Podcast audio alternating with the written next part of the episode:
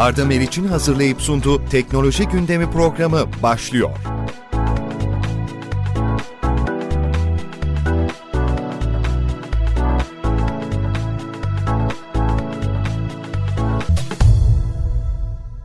Sevgili dinleyiciler, Türkiye'nin en prestijli iş istasyonundan herkese merhaba. Güncel yaşam ve teknolojiye dair her şeyi konuştuğumuz, gündeme farklı bir bakış açısı getirdiğimiz Arda Meriç'le teknoloji gündemi başlıyor.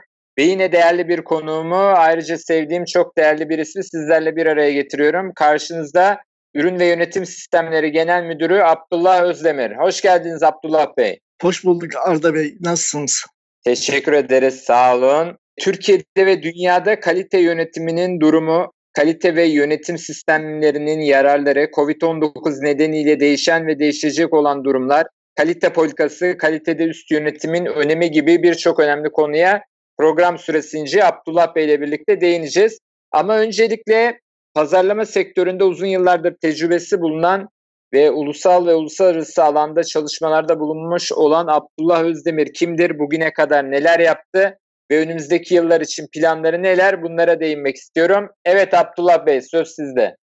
Gazi Üniversitesi Elektrik Mühendisliğinden Suudi Arabistan'da staj yaptıktan sonra mezun oldum.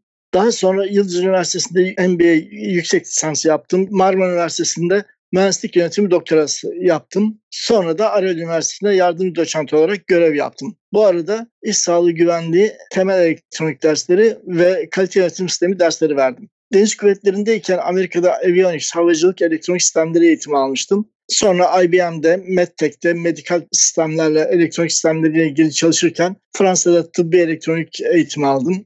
Daha sonra Netaş'ta telekomünikasyon üzerine yeni ürün imalat mühendisliği yaptım. Sayot, Sayaç Otomasyon Sistemlerinde proje pazarlama müdürlüğü, kalite müdürü olarak görev yaptım. ISO 9001 kalite yönetim sistemleri, 14001 çevre yönetim sistemleri, OSA son 8001 İSG yönetim sistemleri konusunda baş denetçilik eğitimleri alıp çeşitli konular kuruluşlarda denetçilik yaptım. Almanya'daki TÜV temsilcisi olarak ürün yönetim sistemleri limite şirketin genel müdürü olarak ve baş denetçiliğini yaptım. Halen ürün yönetim sistemleri firmasında hem baş denetçilik hem de yöneticilik yapıyorum. Ee, bu arada uluslararası standartlara uygunluk belgelendirme işleri için İstanbul Maltepe'deki ofisimizden Marmara ağırlıklı olarak tüm Türkiye'ye hizmet vermekteyiz. Oldukça etkileyici bir geçmişiniz var. Oldukça başarılı çalışmalar imza atmışsınız ulusal ve uluslararası alanda. E, Türkiye'de de şu anda önemli noktalarda hizmet veriyorsunuz. Peki gelelim ürün ve yönetim sistemlerine. Ürün ve yönetim sistemlerinin faaliyet alanı nedir? Hangi hizmetleri sunar? Kalite yönetimi çok önemli bir konu olduğundan dinleyicilerimiz adına merak edilen bu konulara sizin aracılığınıza değinmek istiyorum. Ürün yönetim sistemleri ISO 9001 dediğimiz şirketlerdeki kaliteli yönetim sisteminin kurulması için gerekli olan standart konusunda e, denetimler yapmakta ve eğer kurum uygunsa bunu belgelendirme için yurt dışına rapor yazarak belgelerin temin edilmesini sağlamakta. 14.001 ise 14.001 dediğimiz çevre yönetim sistemi. Keza 45.001 e, iş sağlığı güvenliği yönetim sistemi, 50.001 enerji yönetim sistemi, 10.002 müşteri memnuniyeti yönetim sistemi, 27.001 e, bilgi güvenliği yönetim sistemi gibi gördüğünüz gibi hepsi yönetim sistemi olarak uluslararası standartlara uygun yönetimin sağlanması konusunda standartlar var. Bu standartlarda çalışmaları e, eğer kurum uyguluyorsa biz de bunu denetleyip belgelendirme hizmeti yapıyoruz. Oldukça önemli bir konu. Konuda da hizmet veren firmaların vereceği bilgiler oldukça önemli. O yüzden hassasiyetle değinmek istiyoruz. Peki önemli bir soruyla başlamak istiyorum. Kalite nedir? Kalite aslında çeşitli e, guru, üstad denilen kişilerin tanımlarına göre farklıdır. İşte Feigenbaum, Deming gibi kişiler birisi kalite müşteri memnuniyetidir. Bir, birisi kalite standartlara uymaktadır. Bazıları da işte kalite müşterinin şartnamesine uymaktır gibi tanımlar yapmış. Ama kalitenin e, Türkçe karşılığı tek kelimeyle nitelik, vasıf demektir. Hatta vasıflar da zaten sıfatlarla izah edilir. Standarttaki tanımı, kalitenin tanımı ürün ve hizmetteki içsel vasıflar toplamının istenen vasıflara oranı veya karşılama derecesidir diyebiliriz. Çoğunlukla maalesef bunu firmalarda kalite yetkilileri dahi doğru algılamamış oluyor. Biz kalite kelimesi Türkçe olmadığı için maalesef kafamızda muğlak bir şekilde kalıyor ama bunun gerçekten içsel vasıfları toplamının istenen vasıfları oranı olduğunu bilmek gerekir. Mesela bir bilgisayar alıyorsak bilgisayarın içsel vasıflarına bakıyoruz. 2 GB RAM, işte 200 GB hard disk, işte e, ve diyelim ki 10 inç ekran vesaire gibi tanımlar yapıyoruz niteliklerini. Eğer bu nitelikler bizim beklentimiz olan niteliklere uygunsa bu kalitedir, istediğimiz kalitedir diyebiliriz. Bu konu oldukça önemli. Kalitenin ne olduğunu anlamakta insanlar gerçekten bazen güçlük çekiyor. Özellikle şirketler kalite nedir, kaliteli hizmet nasıl sunulur, kaliteli ürün nedir? Bunun gibi pek çok soru geliyor. Bir de bunların yanında numaralar var. ISO 9001 kalite belgesi işte ISO 14001, ISO 45001, 50001, 10002, 27001 gibi numaralar var. Bunlar nedir ve ne ifade ediyor? Önemi nedir?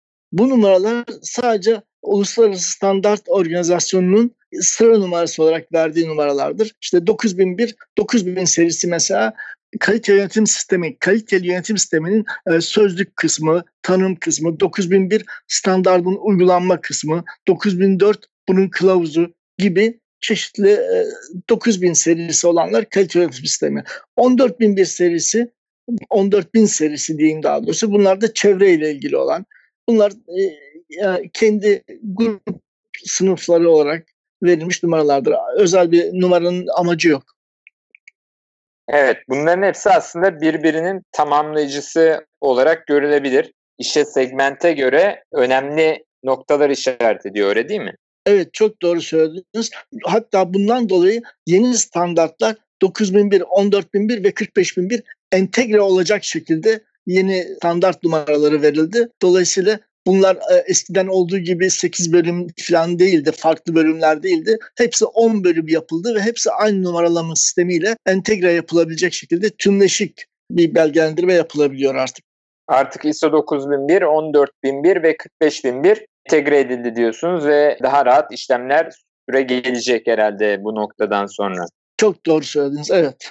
Peki kalite yönetim sisteminin yararı nedir?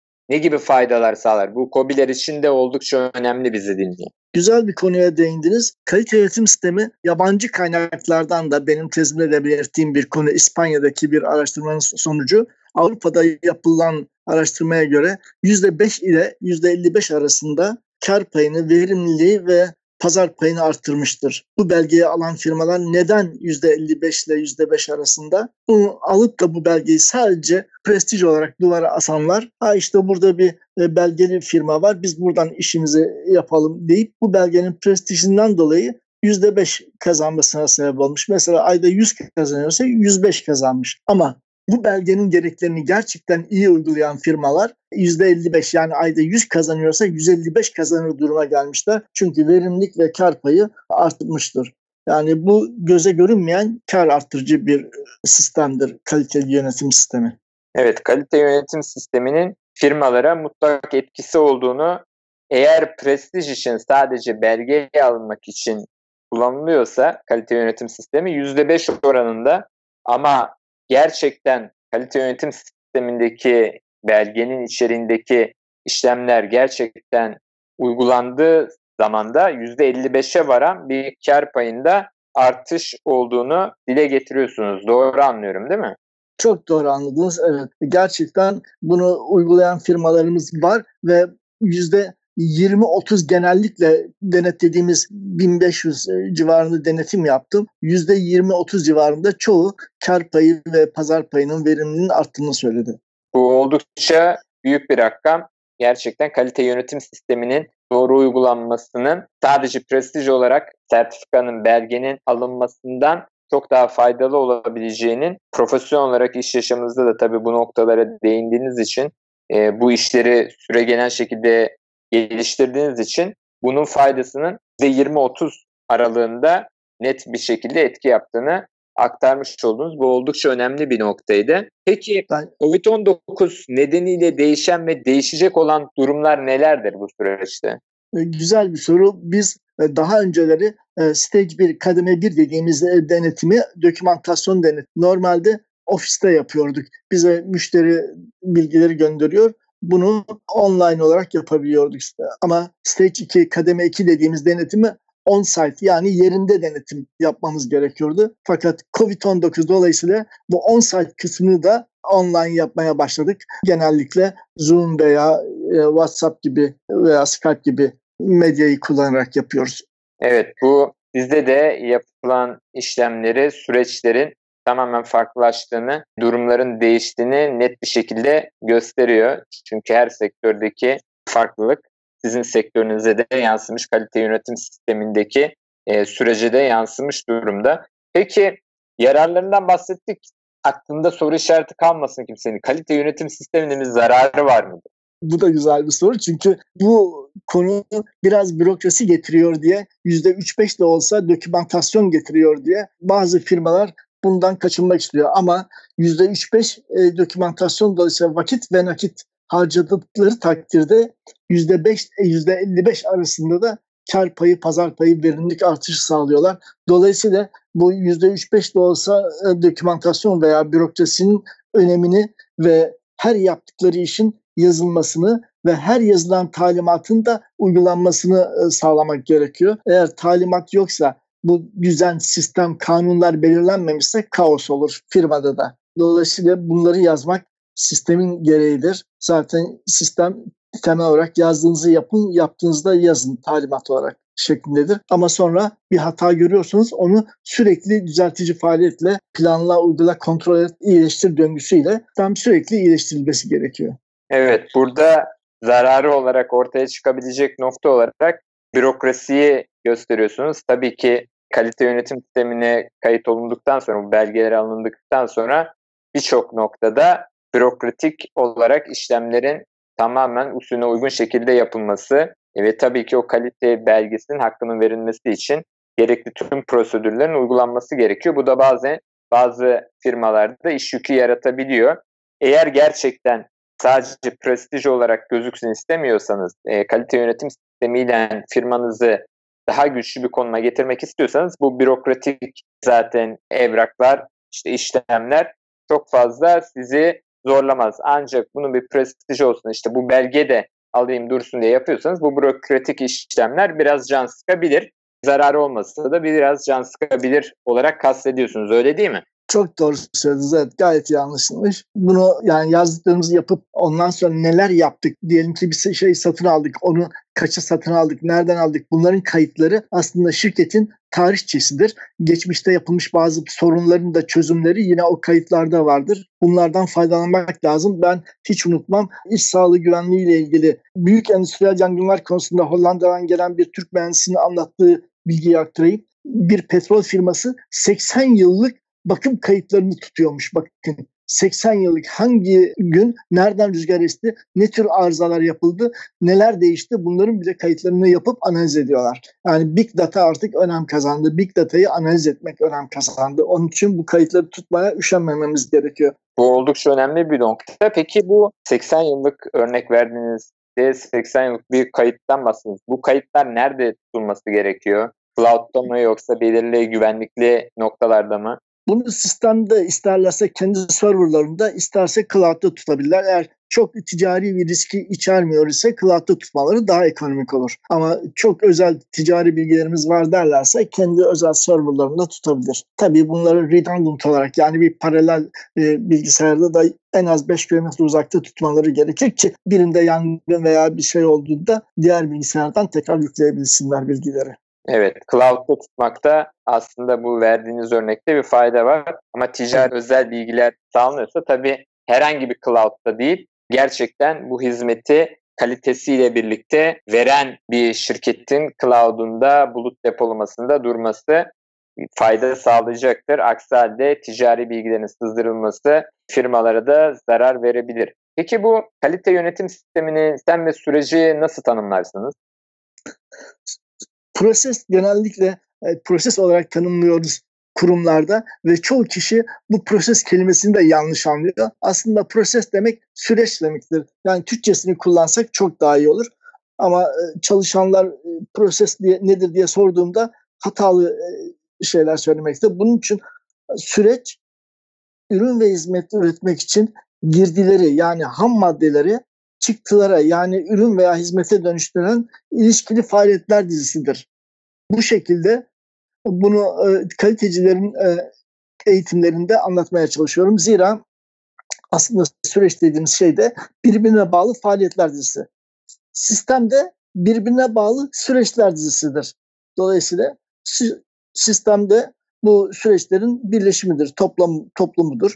Yani bir şirkette nasıl eğitim, üretim, pazarlama, tasarım gibi veya sevkiyat gibi bölümler varsa devlette de üretim, eğitim, sevkiyat gibi kurumlar var. Mesela Milli Eğitim Bakanlığı, işte e, Ulaştırma Bakanlığı gibi. Yani 3 kişilik şirkette de 300 milyonluk devlette de yine aynı sistemler var. Aynı süreçler var.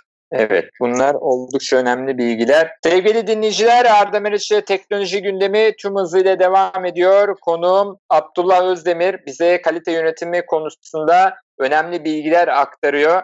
Gerçekten kalite oldukça önemli bir konu. Sistem süreçlerinden, kalite yönetiminin faydalarından, zararlarından bahsettik. Şimdi kalite politikasına gelelim diyorum. Kalite politikasını dinleyicilerimiz için biraz açar mısınız? Kalite politikası genellikle kuruluşların kaliteli ürün ve hizmet vermek için uygulayacağı stratejik yol ve yöntemlerdir. Ama e, kalite için yapacağı işte e, yatırımları, eğitim vesaire neleri yapacak da bu kalite için taahhüt ettiği şeyleri uygulayabileceğini kalite politikasında yazıyor. Fakat kalite kelimesini tanımladığımız gibi politika kelimesinin de tanımını standarda göre söylersek politika üst yönetimin yazılı taahhüt ettiği niyet ve yöndür. Yani bunu maalesef birçok politikacı da doğru olarak bilmiyor. Bu nasıl mesela bir A partisi der ki ben işte milli muhafazakar bilmem ne ekonomisi uygulayacağım der. İşte başka şeyler yazar tüzükte. Genel başkan ve yardımcıları üst yönetim imzalar. Bu da parti politikasıdır denir. Veya B partisi ben liberal sosyal bilmem ne ekonomi uygulayacağım, şunu şunu yapacağım şeklinde tüzükte yazar. İşte bu da o B partisinin parti politikasıdır diyoruz. Yani politika üst yönetimin yazılı taahhüt ettiği niyet ve yöndür. Uluslararası standart bu şekilde tarif etmiş. Bunu da maalesef şirketlerde sorduğumuzda çoğu yetkililer bilemeyince biz bunları tekrar bir eğitim şeklinde vermeye çalışıyoruz. Evet, kalite politikası stratejik yol ve yöntemler olarak adlandırılabilir. Üst yönetimin aktardığı stratejilerin, e, belirlediği stratejilerin sunuma ulaşmasıdır. Öyle değil mi? Çok doğru. Evet. Niyet ve yönüdür üst yönetimin. Evet bu oldukça önemli. Bütün olay burada başlıyor. Bütün olay başlangıcı, kalite yönetiminin başlangıcı da bu nokta diyebiliriz. Peki çok sarf edilen iki kelime vizyon ve misyon. Bu iki kelimenin anlamı ve önemini dinleyicilerimiz için açar mısın? Teşekkürler. Bu kelimelerde gerçekten maalesef Türkçe olmadığı için çoğu kişilerin aklında muğlak bir şekilde kalıyor. Bir şeyler anlıyor ama ne anladığını tam ifade edemiyorlar. Sorduğum zaman vizyon nedir, misyon nedir gibi şeylerde biz bunu yine standardın tanımlarından anlatırsak daha iyi olacak düşünüyorum. Vizyon bildiğimiz gibi kelime anlamı görüş demektir. Yani kuruluşun 5-10 yıl veya daha büyük hedeflerde kendisini nerede gördüğü, büyük hedefinin ne olduğu vizyondur. Mesela bizde vizyon 2023-2071 gibi devletin vizyonları vardı. Atatürk'te biliyorsunuz Kurtuluş Savaşı'na başlamadan önce Erzurum ve Sivas kongrelerinde benzer şekilde vizyonunu açıkladı. Yani Selanik'ten Musul'a kadar hattı müdafaa yoktur, hattı müdafaa vardır. Bu satı bütün vatandır diyerek yani vizyonu misak-ı milli olarak, milli yemin olarak tanıtmıştı. Yani önce kurumlar da kendi vizyonunu üst yönetim tarafından tanıtılmasında yarar var. Büyük hedefi bilirse ona göre de yıllık hedeflerini yapar. Misyon kelimesine dönersek tabii misyona dönmeden önce mesela bizim şu anda da sorunlu olan Yunanlılar bile halen megale ideal dedikleri mesela İzmir ve İstanbul'u işgal isteklerini okullarda ders olarak anlatmaktadır, vizyon olarak. Biz de vizyonumuzu, büyük hedefimizi gençlerimize aktarmalıyız. Bu konuda da yani bizlerin önemli bir görevi sadece kalite konularında değil, misyon ve vizyonu anlatırken gençlere bunların yabancı ülkelerde nasıl uygulandığını da hatırlatmamızda yarar var.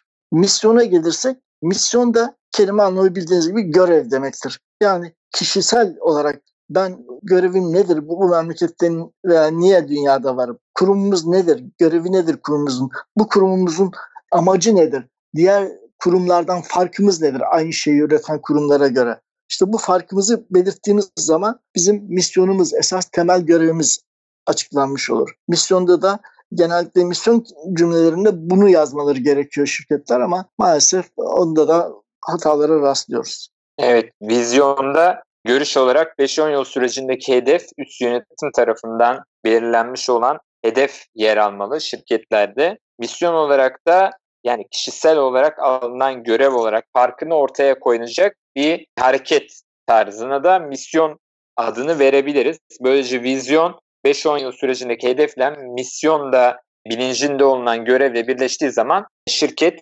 e, oldukça faydalı çalışmalar yürütebilir. Öyle değil mi Abdullah? Çok doğru söylediniz. Yani misyonunu, görevini bilen şirket vizyonda ona göre 5-10 yıl veya daha ileri büyük hedefini söyler ve bu büyük hedefe göre de yıllık hedeflerini söyler üst yönetim.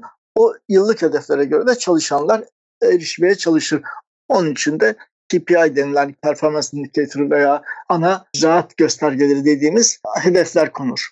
Bu oldukça önemli. Programın başında da bahsettik. Demin de geçti. Kalitede üst yönetimden bahsediyoruz. Kalitede üst yönetimin önemi nedir? Bu çok güzel bir soru çünkü kalite balık baştan kokar diye bir sözümüz vardır bizim biliyorsunuz. Kalitede üst yönetim liderlik etmezse, önderlik etmezse kaliteli yönetim sistemi kurulamaz. Çünkü zaten adı üstünde yönetim sistemi, çevre yönetim sistemi, iş sağlığı güvenli yönetim sistemi. Bütün bu standartları e, yönetimin sistem kurması için belirtmişler. Dolayısıyla eğer liderliği üst yönetim yapmazsa yeteri kadar verimli olmaz ve liderliğin yani üst yönetimin bu sisteme önem verdiğinin göstergesi de e, yönetim gözden geçirme toplantılarının kayıtlarıdır. Biz tetkikler yaptığımızda, firmaları denetlediğimizde bu kayıtlara bakarak üst yönetim gerekli kaynakları yatırımları, vakit ve nakiti kalite için ayırmış mı, sistem için ayırmış mı bunu inceleyerek karar veriyoruz. Evet, liderliğin üst yönetim tarafından yapılmasının kalite üst yönetiminin önemi olarak ortaya çıktığından bahsettiniz. Kalite üst yönetiminin öneminin aslında doğru liderlik yapması olduğunu da söyleyebiliriz öyle değil mi? Çok doğru. Hatta Deming tarafından Deming bu uzman veya guru dediğimiz kişilerden biri bir zamanlar kalite konusunda. Bunun e, başarının veya tabii bir noktada başarısızlığın da önemli bir kısmı %80'i üst yönetimin sorumluluğundadır demiş. Başarmak için üst yönetim çok dikkatli talimatlar yazmalı. Yani şirketin talimatları, kanunları doğru yazılmalı ve etkin de uygulanmalı. Bu devlette de böyledir.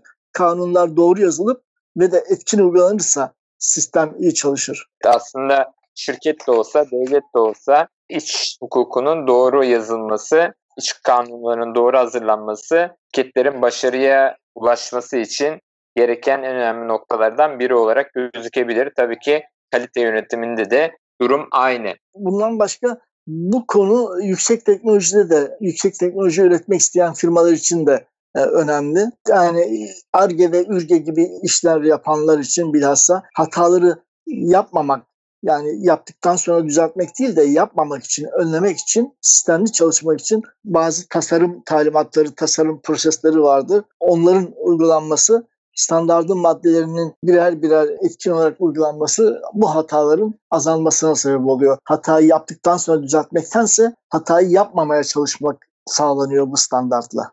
Güzel bir noktaya geldik. Yüksek teknolojiden bahsetmişken yüksek teknoloji üretiminde ISO 9001 ve standartların etkisi nedir? Yüksek teknolojide bizim standart standarttaki 731 22 800. maddelerde e, diyor ki e, adım adım önce tasarımla ilgili girdiler nelerdir, sonra çıktılar nelerdir, tasarımı yaptıktan sonra bunun gözden geçirilmesi nelerdir, çeşitli adımlar var. Eğer bu adımları uygularsak buna e, tasarım prosedürü diyoruz. Bu prosedürü uygularsak gerçekten bu prosedür olmadan yapılacak olan bir tasarım 12 ayda yapılıyorsa bununla belki 6 aya düşürebiliyoruz. Çünkü hataları azaltmış oluyoruz. Sistemli çalışmış oluyoruz. Önemli bir nokta. Özellikle gündemde olan belgelerden biri ISO 9001'dir. Bu ISO 9001 yüksek teknoloji üretiminde ISO 9001 ve standartlara etkisi de tabii ki dinleyicilerimiz açısından oldukça önemliydi. Bu konuda vereceğiniz bilgiler, standartların etkisi, etkisinin ne olacağı gerçekten değerli bir bilgi olarak kayda geçiyor. Peki risk tabanlı düşünce nedir? Daha da önemlisi risk nedir? Güzel sordunuz. Bu riskin tanımında da iş sağlığı güvenliğinde bile hala e, kargaşa tam oturmamış olan konular var. Riski ben R eşittir İŞ diye tanımlıyorum. Yani iş, her işte bir risk vardır. Risk tabanlı düşünce yeni standartlarda esas alınmıştır. Yeni standartın en önemli noktası daha evvel iş sağlığı güvenliğinde ve 14001 çevre yönetim sisteminde olduğu gibi şimdi iş süreçlerinin riskleri dolayısıyla ISO 9001'e de kaliteli yönetim sistemine de entegre edilmiştir. Bunlar riskleri önceden hesaplayıp önleyici faaliyetlerle riskleri önlemlerini alıp düzeltici faaliyetler yapmaya gerek kalmayacak şekilde sonradan hata olup hatayı düzeltelim demektense baştan riski düşünüp onun tedbirini almayı yeni standart istemektedir. Risk bizim bildiğimiz herhangi bir e, gittiğimiz yoldaki istemediğimiz bir yola sapma, istemediğimiz bir şeyin olayın oluşması dediğimiz tehlikeli bir durumun oluşma ihtimaliyle olduğunda etkisinin şiddetini çarpmak bizim için riski verir. Yani risk eşittir ihtimal çarpı şiddet. Ben bunu bilhassa cadde örneğiyle veriyorum. Mesela E5'te giderken karşıdan karşıya geçmek istiyoruz. Trafik ışığı bize kırmızı yanıyor. Kırmızı yanarken biz karşıdan karşıya geçmeye çalışırsak bu yoğun otoyol trafiğinde 5 üzerinden bize çarpma ihtimali 5 üzerinden 5'tir. Büyük bir ihtimal vardır. Ki çarparsa şiddeti ne olur? İnsanı ölümcül bir şiddette olduğu için 5 üzerinden 5 şiddetinde de götürür. Dolayısıyla 5 kere 5 25 risk puanı vardır. Ama biz eğer yeşili beklersek o zaman ihtimal 2'ye kadar hatta 1'e kadar inebilir ama 2 dersek yine çarparsa 5'tir ama belki ışığa yaklaştığı için biraz daha yavaşladığını düşünürsek 2 çarpı 4 diyelim 8'e düştü puan. Risk puanı bakın 25'ten 8'e düştü. Hatta biz yeşil yanmasına rağmen bir de sağa sola bakarsak onun çarpma ihtimalini 1'e düşürürüz. 1 çarpı 4 eşittir 4. Yani bakın riski 25'ten 4'e kadar düşürebildik. Ama sıfırlayamadık. Çünkü hayatta her işte bir risk vardır. Risksiz olmaz. İşte bu kısma acceptable veya kabul edilebilir risk demişler. Biz de merdivenden de inerken hatta tedbirler alınması halinde bile bir risk vardır veya işte evde otururken bir risk vardır. Yani bir üst geçitten bile geçsek bazen bakıyoruz damperli bir kamyon çarpabiliyor. Risksiz olmaz hayat ama hele ki bu Covid döneminde riskten kaçalım dersek evden hiç çıkmamak gerekir. Halbuki biz tedbirimizi alıp ondan sonra takdir Allah'tan deyip yola çıkıyoruz. Yani risksiz olmaz hayat ama riski de minimize etmek yeni standardın istediği nokta. Evet, e, risk tabanlı düşünce ve daha da önemlisi riskin ne olduğundan e, Abdullah Bey bize bahsetti. E, önemli bilgiler verdi. Aslında riski R eşittir iş olarak tanımladı. E, risk e, gerçekten çok önemli bir nokta. İş hayatında özellikle her an risk altında olduğumuzu kabul edilebilir riskler olduğunu, kabul edilemez risklerin önüne geçmek için önceden risklerin hesaplanması için risk analizi yapılması gerektiğini, e, bu yeni standartlara uygun e, risk analizleri yaparak e, karşılaşılabilecek riskleri bize örnekle de açıklayarak nasıl minimalize edebileceğimizden bahsetti. Ama iş hayatında ne olursa olsun mutlaka risk vardır. Her an riskle karşı karşıyayız. İşte e, başımıza gelen şu anki Covid'de yaşadığımız olay gibi e, bir anda hiç beklenmedik her şeyi, tüm analizleri yapmışsınız, tüm risk analizlerini düzgün bir şekilde hazırlamışsınız. Fakat hiç beklenmedik Covid gibi e, bir olay karşınıza çıkıyor. Bu da işte kabul edilebilir risk olarak geçiyor. Çünkü herkesin ansız yakalandığı bir şey. E, ama beklenen risklere karşı önlemlerin alınması gerekiyor. Burada da kalite standartlarının önemi ortaya çıkıyor. Kalitenin yukarıda tutulması bazı riskleri de minimalize edecektir. Abdullah Bey'in aktardığı gibi. Peki Abdullah Bey, kalite çevre İSG standartlarında e, belgelendirme süreci nasıl işliyor? Belgelendirme sürecinin başlangıcı müşterinin talep etmesiyle ben uluslararası standarda uygun çalışmak istiyorum ve bu çalışman ile ilgili neler yapmam diye önce bir e, danışmana e, müracaat edip o danışmanla birlikte dokümantasyonu yani e, standardın istediği prosedür, talimat ve formları hazırlaması gerekiyor danışmanla birlikte. Bu birkaç ay sürebilen çalışma içinde gerekli eğitimleri alıyor.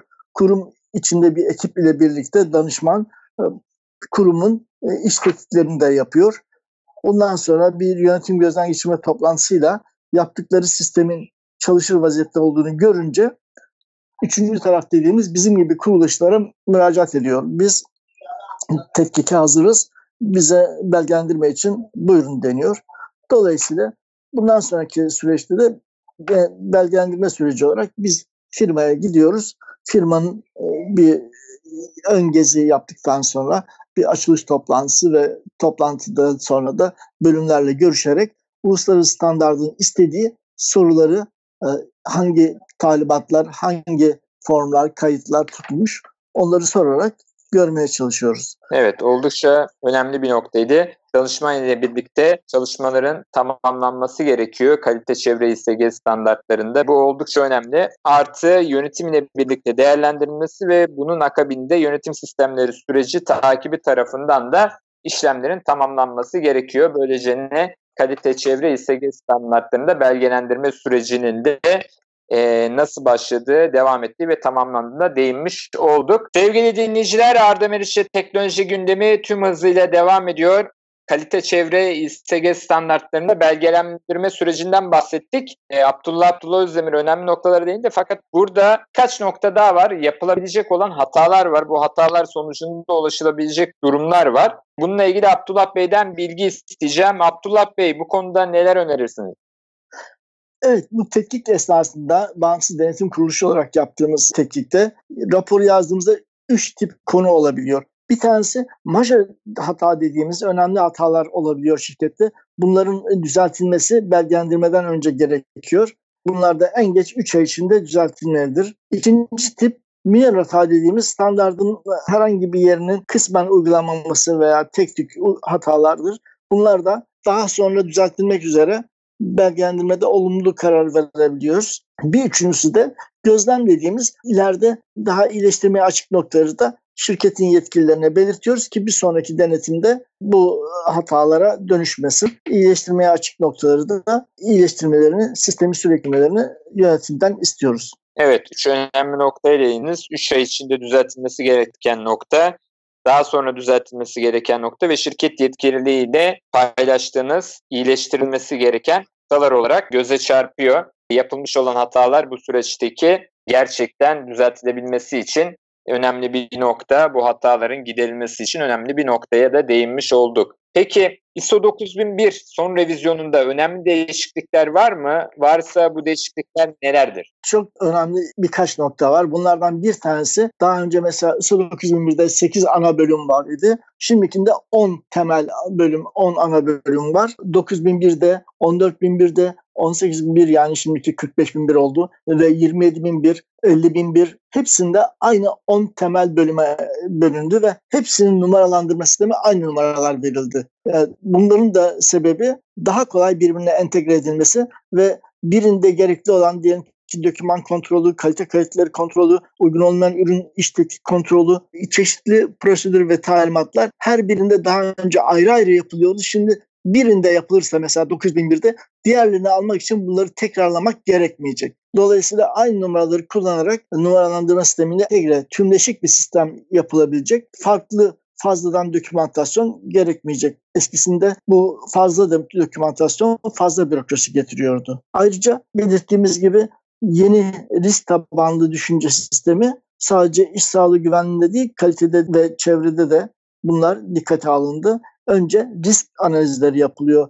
Firmanın süreçleriyle ilgili, firmanın çevre ile ilgili, firmanın iş güvenliği ile ilgili her tür risk analizleri yapılıyor.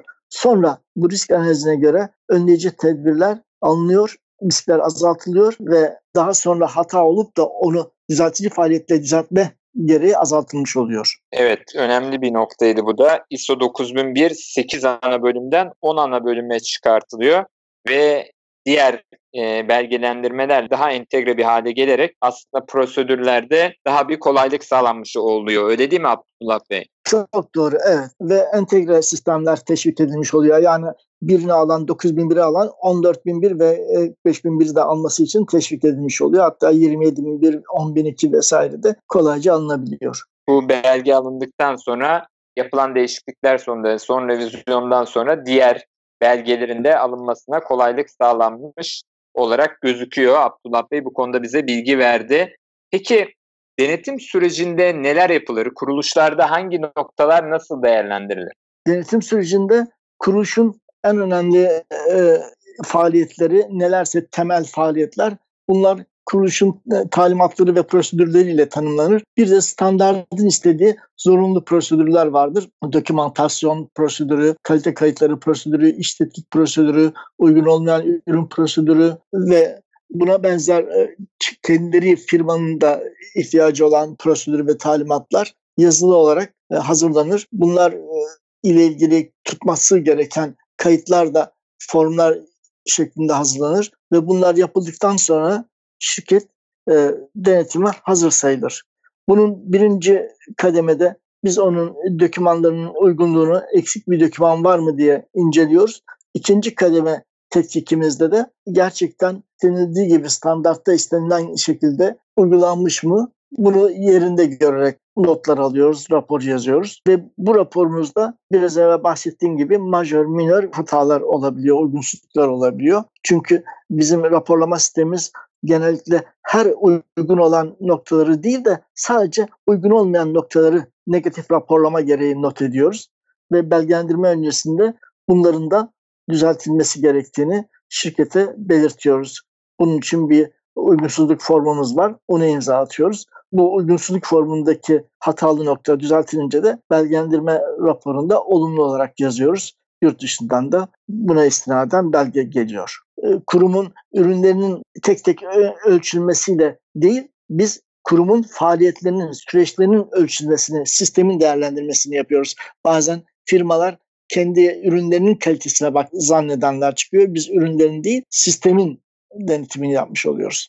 Evet, denetim sürecinde yapılan işlemleri sırasıyla aktardınız. Burada önemli birkaç nokta var. Dokümantasyon olarak kontrol ediliyor. Uygun olmayan ürün prosedürü var ve kayıt olarak tutulması gereken e, evraklar, datalar e, var. Eksik doküman kontrolü var ve bunların sonucunda da eğer uygun değilse bir uygunsuzluk formu düzenleniyor daha çok ürüne değil de sistemin işleyişini kontrol ettiğinizi aktardınız öyle değil mi? Çok doğru evet. Biz çünkü ürünleri tek tek kontrol etmiyoruz, ölçmüyoruz. Biz sistem çalışıyor mu ona bakıyoruz. Evet bu nokta şirketler için oldukça önemli. Asıl denetim sürecinde bakılan nokta sistemin işleyişinde herhangi bir prosesinde hata olup olmadığı. Bu noktada ufak tefek uygunsuzluklar varsa bununla ilgili e, evraklar düzenleniyor, uygunsuzluk formu düzenleniyor ve tekrardan denetlenmesi için yönetime bilgi veriliyor. Böylece de şirketin daha iyi bir kalite sunumunu sağlamış olunuyor. Bu nokta oldukça önemli. Peki herkesin dilinde olan ve birçok üründe bulunan C nedir, ne işe yarar, yararı nedir? Hepimiz görüyoruz, e, aldığımız ürünlerde de görüyoruz, kullandığımız ürünlerde de görüyoruz. Bazı ürünlerin arkasında koca koca yazıyor. Bazı ürünlerin e, batarya kısımlarında, iç kısımlarında yazıyor. Bu CE nedir, ne işe yarar, yararı nedir? E, bununla ilgili bilgileri sizden almak istiyorum. Hay hay. CE Conformity European yani Avrupa Birliği kurallarına uygunluk belgesidir. Bu kalite belgesi değil. Ürünlerin insan ve çevreye hatta evcil hayvanlara zarar vermediğini gösteren bir güvenlik belgesidir. Bunu bazen Çinlilerde CE şeklinde görüyoruz ama tam CE logosunu doğru yapmıyorlar. Çünkü onlar Chinese export anlamında kullanıyor ve biz e, CE belgesi için değil sadece kendi ihracatımız olduğu için bu kelimeyi kullandık diyorlar. Buna maalesef dikkat etmeyen arkadaşlarımız yanlış ürün ithal ediyor ve Çin'in kalitesiz bazı ürünlerinin e, memleketimize girmesine sebep olabiliyoruz. Bu konuda tekrar dikkat etmek lazım. CE aslında Conformity European demektir. Dolayısıyla Avrupa'ya, Avrupa Birliği'nin kurallarına uygunluk yönünden insan ve çevre sağlığına dikkat etmemiz gerekiyor. Şu önemliydi. CE belgesine birçok kişi bakıyor. Aa, bunda CE belgesi varmış diyor ama demin bahsettiğiniz Chinese Export olarak da bazı arkasında veya iç kısmında damga olarak bulunuyor. Bu bulunduğu zaman da birçok kullanıcı zannediyor ki bu ürün Avrupa standartlarında, Avrupa Birliği standartlarında bir üründür. Yani daha da önemlisi hani çalışmasından ziyade ürünün çalışma fonksiyonlarında bir sorun teşkil etmeyebilir ama sağlık açısından herhangi bir insan veya canlıya zarar vermesi veya vermemesi açısından belgelendirilmiş olması için gerçek hakiki Avrupa Birliği CE belgesi olması gerekiyor. Ürün çalışabilir. Ürünün çalışmasında bir sıkıntı yoktur fakat tabii ki radyoaktif dalga gibi birçok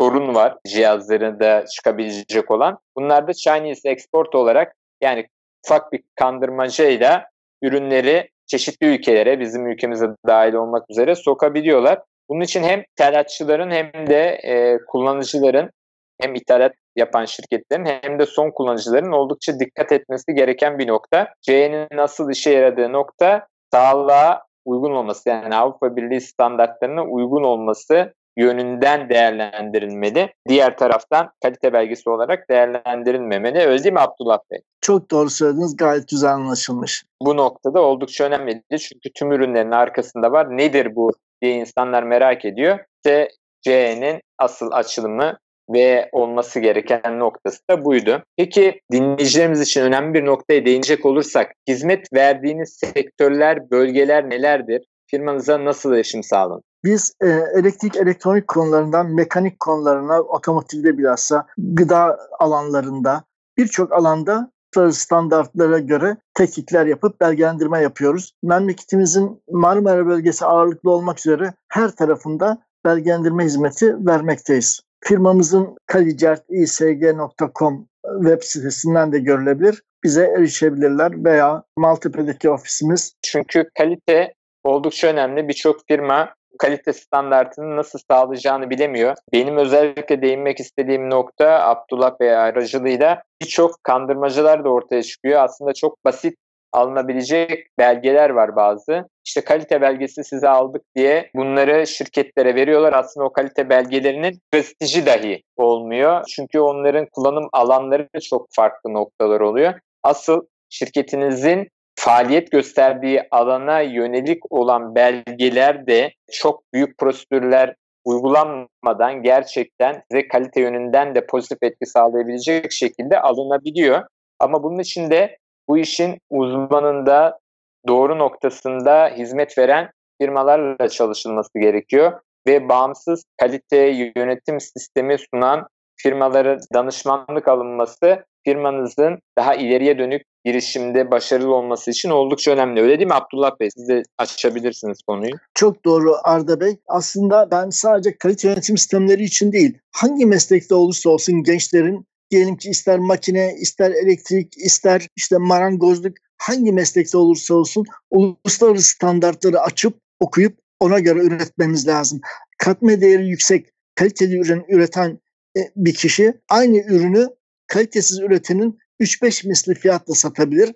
Dolayısıyla bugün işte Avrupa, Amerika gibi ülkeler bildiğimiz bizim ürettiğimiz 1 dolarlık bir şeyi 5-10 dolara satıyor. Çünkü kalite yani e, istenilen özellikleri %99,9 sağlamlıkla %99,9 özelliklerini dikkate alarak üretiyorlar. Ama biz %10 hatalı yaparsak o bize onda bir, %90 daha ucuzlatma zorunluluğu getiriyor. O yüzden kaliteli ürün daima katma değeri yüksek olan ve çok daha yüksek fiyatla satılabilecek, kar getirecek bir üründür. Kalitenin önemini bu şekilde anlayıp kalitenin katma değer sağladığını hatırlamamız gerekir. Bunlarla ilgili deyimler de var. Ucuz ürün alacak kadar zengin değilim gibi sözler var. Bunun benzerleri var. Aslında kalitenin önemini ortaya çıkartan bir nokta. Çünkü kalitesiz bir ürün aldığınız zaman, sorun yaşadığınız zaman verdiğiniz paranın hiçbir kıymeti kalmıyor. Marka olarak da kalitesiz hizmet sunuyorsanız veya ürün sunuyorsanız e, size geri dönüşleri artık sosyal medyanın da olduğu şu dönemde oldukça negatif olabiliyor. Onun için kalite önem verilmesi firmanızın isminin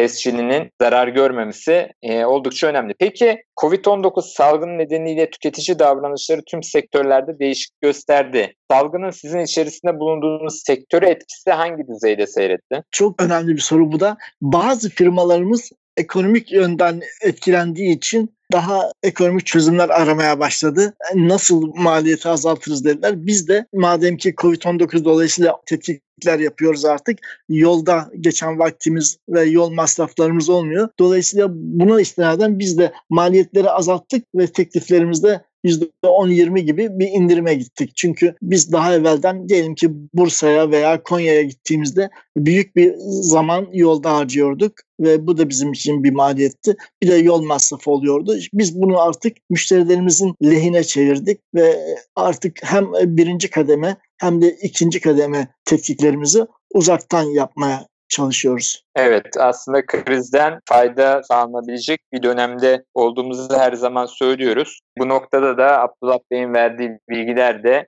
krizden şirketinizin veya bireysel olarak fayda sağlayacak şekilde çıkmak için bu noktaların değerlendirilmesi gerekiyor. Eğer hiç kalite yönetimiyle ilgili bir çalışma yapmadıysanız şu anda fırsatıdır diyebiliriz. Çünkü bu belgeler yakın zamanda çok önemli noktalara ulaşacak. Örneğin geçtiğimiz günlerde açıklanan ikinci cep telefonu satışı ile ilgili yasal bir düzenleme geldi. Ondan evvel TV ile ilgili geldi. Bundan sonra farklı sektörlerle de ilgili böyle e, haberler duyabiliriz. O yüzden kalite standartlarına önem verilmesi oldukça önemli sevgili dinleyiciler. Programımızın sonuna doğru gelirken programa değer kattığınız ve değerli bilgilerinizi sevgili dinleyicilerimize paylaştığınız için çok teşekkür ederim. Hem keyifli hem de değerli bir sohbetti. Son olarak İş Dünyası'nın prestijli radyosunun dinleyicilerine genel manada aktarmak istedikleriniz varsa serbest olarak kısaca dinleyicilerimize paylaşabilirsiniz. Hemen arkasından programın kapanışına geçeceğiz. Teşekkürler Arda Bey. Benim son olarak söylemek istediğim e, uluslararası standartlara hangi meslekte olursa olsun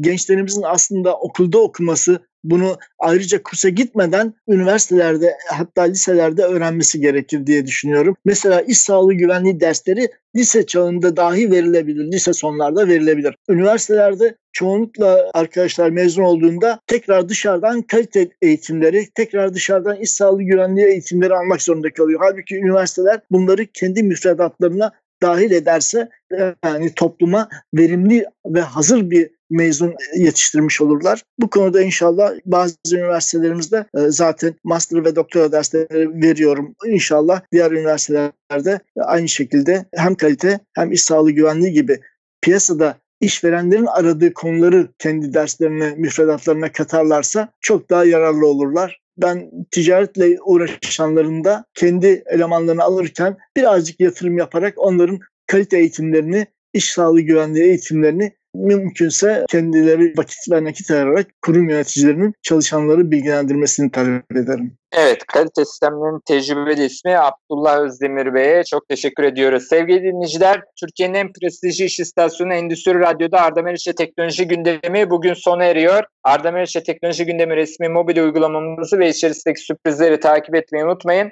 Önümüzdeki programda yine değerli bir konumla birlikte sizlerle bir araya gelmek üzere. Şimdilik hoşçakalın, sağlıkla kalın.